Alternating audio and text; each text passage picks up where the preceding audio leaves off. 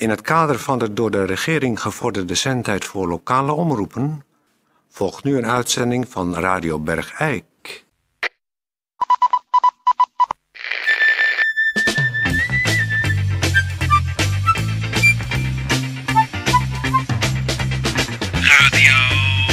Radio Bergijk. Radio Bergijk. Het radiostation voor Bergijk. Uw gastheer, Toon Sporenberg. Toon Sporenberg. Goeiedag, eh, dames en heren. Hartelijk welkom bij eh, Radio Bergijk. Eh, het is niet nieuwe stijl, we doen gewoon oude stijl vandaag. Dat is misschien ook wel weer voor u, eh, voor de herkenbaarheid, eh, aangenaam. Dus we doen eh, geen nieuwe stijl dingen vandaag. We gaan gewoon, eh, zoals het eigenlijk altijd deden destijds... Een hele gewone uitzending met, eh, weet ik veel, een gemeentebericht, een eh, Ja, we beginnen er langzamerhand weer in te komen, hè, eh, Ja, we beginnen, beginnen er weer in te komen. De sleur, het begint eigenlijk weer een beetje ingesleten te raken. Ja, het wordt echt weer, ja, inderdaad, routine. Voor ons ook weer. Dus we beginnen vandaag met een gemeentebericht. Gemeentebericht. Dus Toon Sporenberg met een gemeentebericht. Gemeenteberichten. Ja, ik. Gemeentebericht. Er is een inventarisatie geweest door de klachtencoördinator van gemeente Bergijk. Wat blijkt, vorig jaar zijn er eh 4822 eh, klachten gemiddeld per week eh, binnengekomen. En de klachtencoördinator heeft dat onderzocht. En nu blijkt, en daar is de gemeente niet weinig trots op, dat maar liefst 89% van de klachten gegrond zijn. Dus eh, in die zin is het goed dat er de klachtencoördinator is. Want stel voor dat, er nou, eh, dat al die klachten niet gegrond zouden blijken te zijn. Ja, waar ben je dan mee bezig? Dan hoef je ook geen klachtencoördinator of wat dan ook te hebben. Maar nu is dus gebleken dat namens de gemeente het instellen van de klachtencoördinator een zeer goede zet is geweest. Want 89% van de klachten van de bewoners van Bergijk over van alles van de gemeente is dus gegrond. Ja, dit, heeft natuurlijk wel, eh, dit muisje heeft wel een staartje gekregen. Want nu heeft de gemeentesecretaris een klacht ingediend over het functioneren van de klachtencoördinator. En die eh, wordt behandeld natuurlijk door de provincie. Want er zit dan ook een klachtencoördinator bij de provincie. En die eh, onderzoekt het functioneren van klachtencoördinatoren in de verschillende gemeentes. Ja, want dat schijnt nogal eh, wat op aan te merken te zijn. Daar schijnt heel veel op aan te merken te zijn. Want sommige van de klachtencoördinatoren, nou, ze doen maar wat, is misschien te veel gezegd. Maar het komt er wel op neer. Ja. Maar even zo goed, gemeente Bergijk, gefeliciteerd.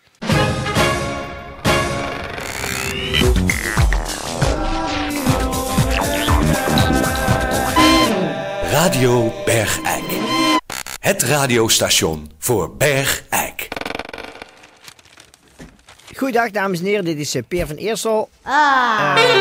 Peer van Eersel.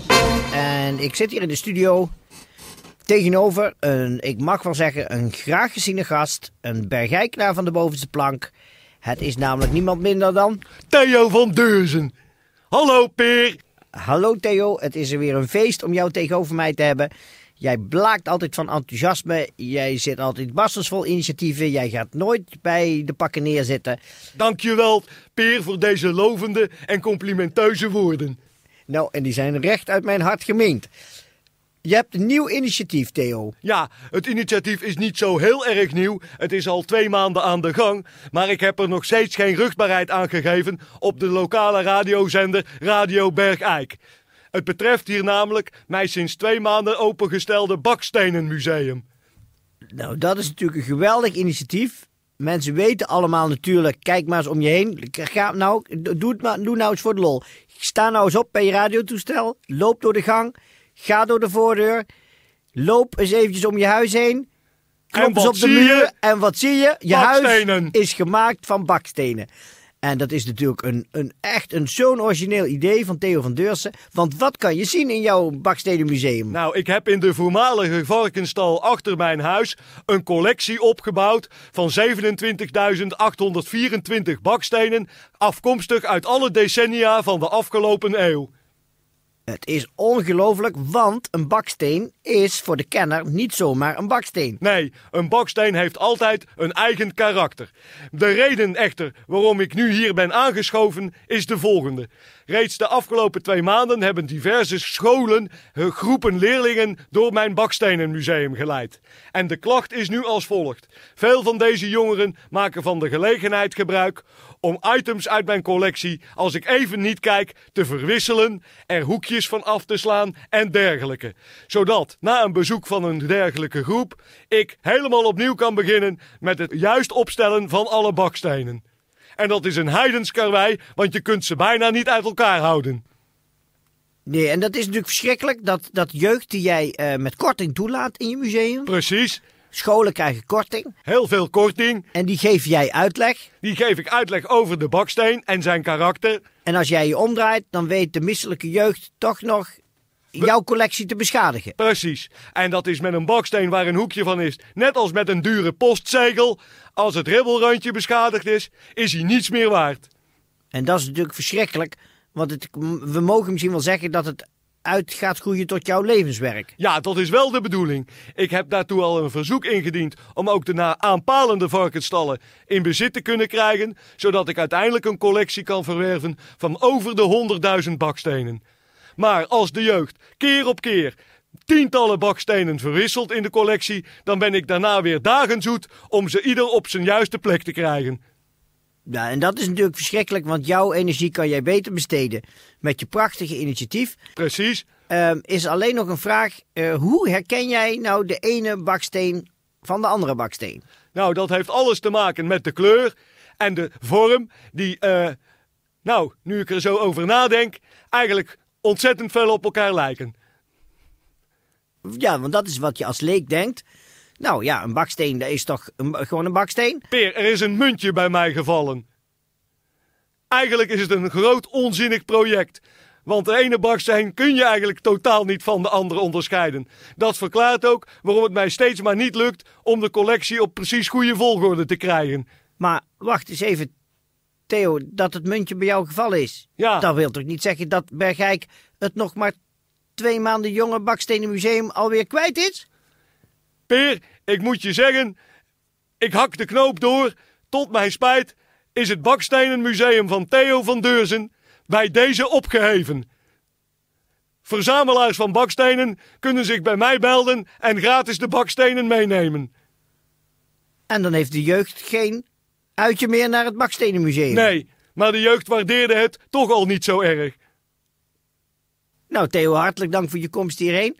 En ik hoop dat je heel snel bevlogen raakt van weer een van je nieuwe prachtige initiatieven. Het roer gaat om, Peer. Theo, heel veel sterkte en tot de volgende keer.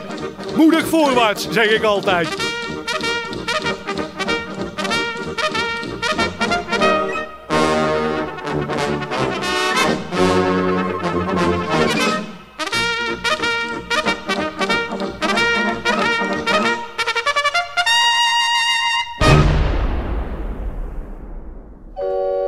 Schokkende verhalen uit de oude tronk van het Brabants heem.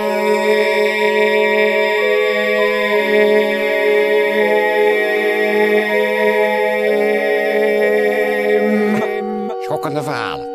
Brabants heem. De luiensvoort. Het mysterie van de brug.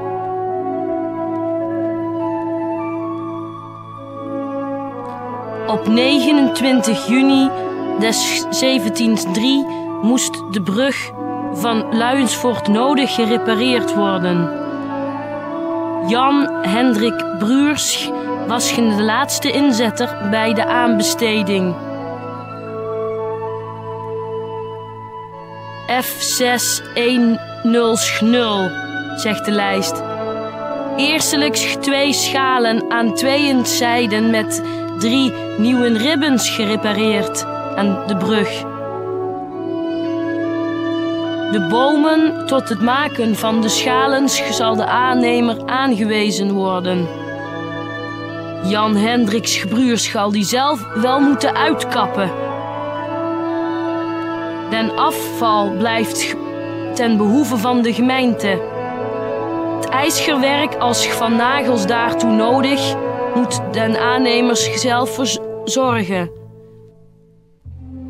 Maar op 24 september 1714 werd de brug weer niet in orde bevonden. Jan Jan Hendrik Jansch was nu de laatste belegger op ve- 14 guldens en 4 stuivers. De lijst zegt het volgende. De lengte moest 10 voet breed zijn en boven 4 voet breed. Maar dat is ongeveer 3 meter lang en 1 meter 20 voeten breed. Voldoende voor, voor het passeren met schapen. Voor de betekenis van het woord brug, oftewel va- vaarts, moeten we echter terug naar 1315. Het betekent rivierovergang. Andere namen waren overigens stap, kwakel, vonders, spek, spijk, waai, wetten, werken en beer. Een voi- voier- voierde is in, is in Schelk geval een doorwaadbare plaats in de rivier waar later de bruggen samen liggen. In Eschbeek komen verschillende namen daarvoor over, over, overigens ook voort. Lui, Luiense Voert, Luisvoort, Lushaak, Lijmersoord, Lijnsvoort, Lensvoort, Plen, Lijn, Leids. Het mysterie van de brug blijft echter voortbestaan.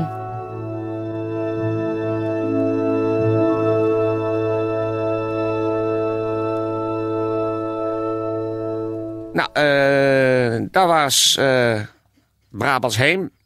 Ik hoop dat u weer er wat van op hebt gestoken. Wij in ieder geval wel. Ik denk, Peer, zijn we het erover eens dat in oude stijl dingen doen ons toch beter past dan welke soort van vernieuwing dan ook. Nou ja, ik, ik, ik, alsof ik mezelf wil praten, Toon Sporenberg. Ja. Daar ben ik het gewoon eh, gloeiend mee eens. Ja, precies. Terug is altijd beter dan voorwaarts. Absoluut. Altijd teruggrijpen op dat wat je al kent en niet eh, nieuwe, nieuwigheden en malle fratserij. Dus dat gaan we niet doen, eh, dames en heren. We krijgen er echt weer zin in. Dat is voor u natuurlijk ook prettig. Dat hoort u ongetwijfeld aan ons stemgeluid, of we er wel of geen zin in hebben. Dat is natuurlijk iets wat toch door de, door de ether komen die vibraties op een bepaalde manier door. En eh, we hebben er nu in ieder geval, na deze eerste drie dagen dat we weer eh, origineel in de uitzending zijn, echt, echt weer een beetje zin in. Ja, ik heb, echt, echt, echt, Echt, echt ik heb weer- zelf alweer een kopstoot ingeschonken. Ja, En het voelt, ik voel me gewoon weer vast zitten in mijn stoel, in mijn zetel. precies. We zitten weer precies op de oude manier tegenover elkaar. De tafel is weer precies zoals hij eh, destijds was. Tetje zit weer op zijn oude plek. En, en u zit natuurlijk weer gewoon thuis. U zich kapot te vervelen. En dus naar Radio Bergijk te luisteren. Nou, kortom, we zijn weer waar we waren. En, eh, en aan het eind van deze uitzending, daar moet ik er wel bij zeggen. Dus ik zou eh, zeggen, alle zieke Bergijkenaren eh, wetenschap. En alle gezonde Bergijkenaren, kop op. Ja, dat voelt toch beter, het gewoon op die oude manier te doen. Natuurlijk. Gewoon.